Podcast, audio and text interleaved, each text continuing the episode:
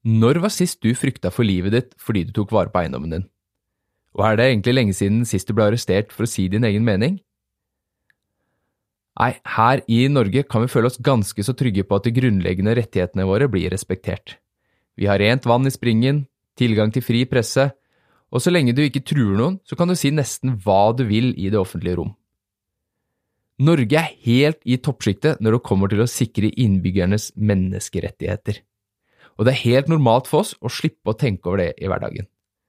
Men sånn er det ikke nødvendigvis for alle andre mennesker. Så hva er egentlig disse menneskerettighetene? Hvorfor er de så himla viktige? Og hvorfor er ikke disse rettighetene tilgjengelige for alle? Mitt navn er Joe, og i denne episoden av Regnskogpodden forklarer skal vi se litt nærmere på akkurat menneskerettigheter.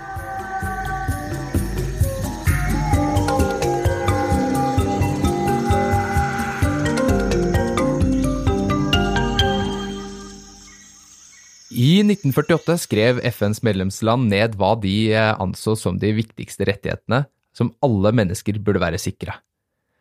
Du kan jo for eksempel forestille deg en verden der hvor mennesker fødes inn i fangenskap, eller at noen er verdt mer enn andre. Eller at noen du kjenner ikke kan eie eiendom eller si hva de vil, fordi noen har funnet på noen helt arbitrære regler. Og hvordan ville livet ditt vært hvis ikke du kunne elske den du ville, eller om du risikerte å bli arrestert, fengsla eller til og med landsforvist, helt tilfeldig? Og hva om noen nekter deg mat eller rent drikkevann, og hvis du forsøker å klage til myndighetene, så risikerer du hevnaksjoner eller til og med drap? Alt dette og mer er hva FN mente burde være sikra for alle mennesker. Menneskerettigheter er veldig enkelt sagt de rettighetene alle vi mennesker skal ha for at vi skal kunne leve et godt og trygt liv. Hvis noe av dette mangler, så vil tryggheten og livskvaliteten din forsvinne ganske så kjapt. De aller fleste av oss tenker nok at dette gir jo mening, og at alle mennesker bør få de grunnleggende rettighetene sine beskytta og ivaretatt. Men kampen for rettigheter den kan være livsfarlig. Siden Parisavtalen ble inngått i 2015, har i gjennomsnitt fire natur- og menneskerettighetsforkjempere blitt drept hver eneste uke verden over. Og denne triste trenden den er dessverre stigende. I 2021 ble en urfolksleder og hennes 17 måneder gamle barnebarn drept i den colombianske delen av Amazonas. Og i januar i år ble en 14 år gammel gutt fra en lokal urfolksgruppe skutt og drept i Colombia da han var med faren sin på patrulje for å beskytte området de lever i. Colombia er det landet hvor det hvert år drepes flest natur- og miljøforkjempere. Men også andre regnskogsland utgjør trusler, overgrep og attentatforsøk en kjempestor fare. I januar i år ble et miljøengasjert ektepar og tenåringsdatteren deres funnet drept i brasilianske Amazonas. Og det er dessverre ikke uvanlig. Barn helt ned i tolvårsalderen mottar regelmessig dødstrusler bare fordi de er miljøengasjert. I perioden mellom 2012 og 2020 ble mer enn 1500 mennesker drept mens de forsøkte å beskytte rettighetene sine og det lokale miljøet. Nesten halvparten av ofrene, altså 750 mennesker i statistikken, var urfolk. Til tross for at urfolk bare utgjør omtrent 5% av hele jordas befolkning. Og den skjeve fordelingen av drepte miljøforkjempere mot urfolk er et helt klart tegn på at urfolks rettigheter ikke beskyttes godt nok. Folk med mye økonomisk makt hyrer inn bevæpna sikkerhetsvakter, eller har til og med tette bånd til kriminelle nettverk. Verdifulle ressurser som tømmer, mineraler, eksotiske dyr og planter og narkotiske stoffer hentes ut på illegalt vis og selges til skyhøye priser på det svarte markedet. I mange tilfeller vil grådighet, korrupsjon og sulten etter makt få myndighetene til å se en annen vei. Og andre ganger så er det rett og slett manglende økonomi og kompetanse hos myndighetene som setter en stopper for kontrollen i utilgjengelige regnskogsområder. Uavhengig av årsaken så fører den manglende kontrollen til at urfolk og lokalbefolkningers menneskerettigheter røves vekk av hjerteløse kriminelle nettverk sammen med skogens ressurser.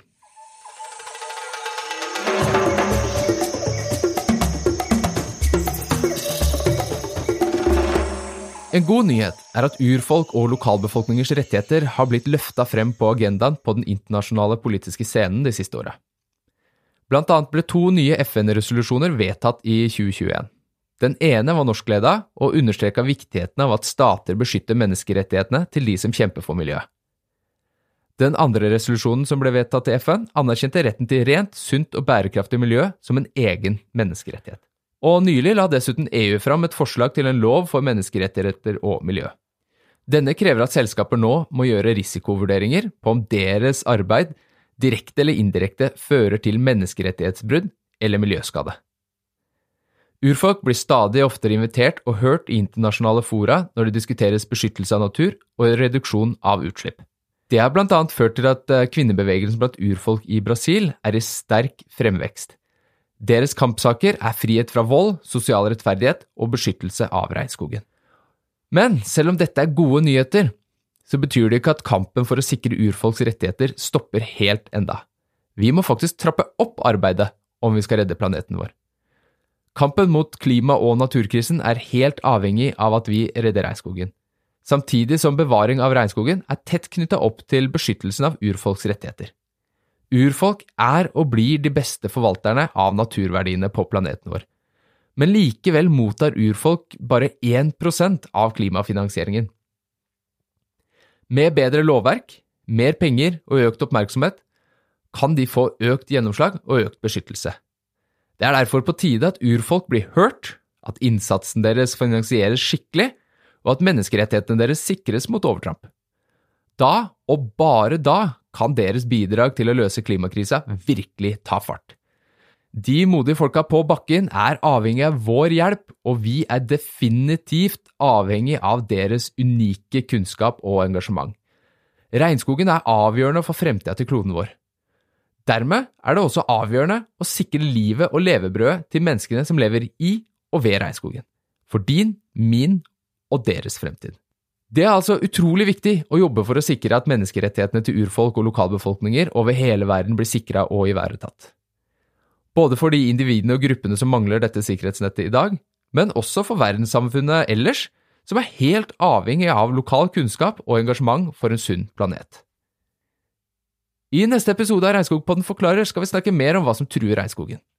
Vi skal snakke om hva gruvedrift gjør med lokalmiljøet, hva som skjer med mennesker når skogen de lever av og i forsvinner, og hvordan oppstykking av skogsarealer påvirker det rike dyrelivet i regnskogene. Alt dette og mye mer i neste episode av Regnskogpodden forklarer. Og du? Vi ses i regnskogen, da. Du har nettopp hørt på Regnskogpodden, en podkast produsert av Regnskogfondet i samarbeid med Norad.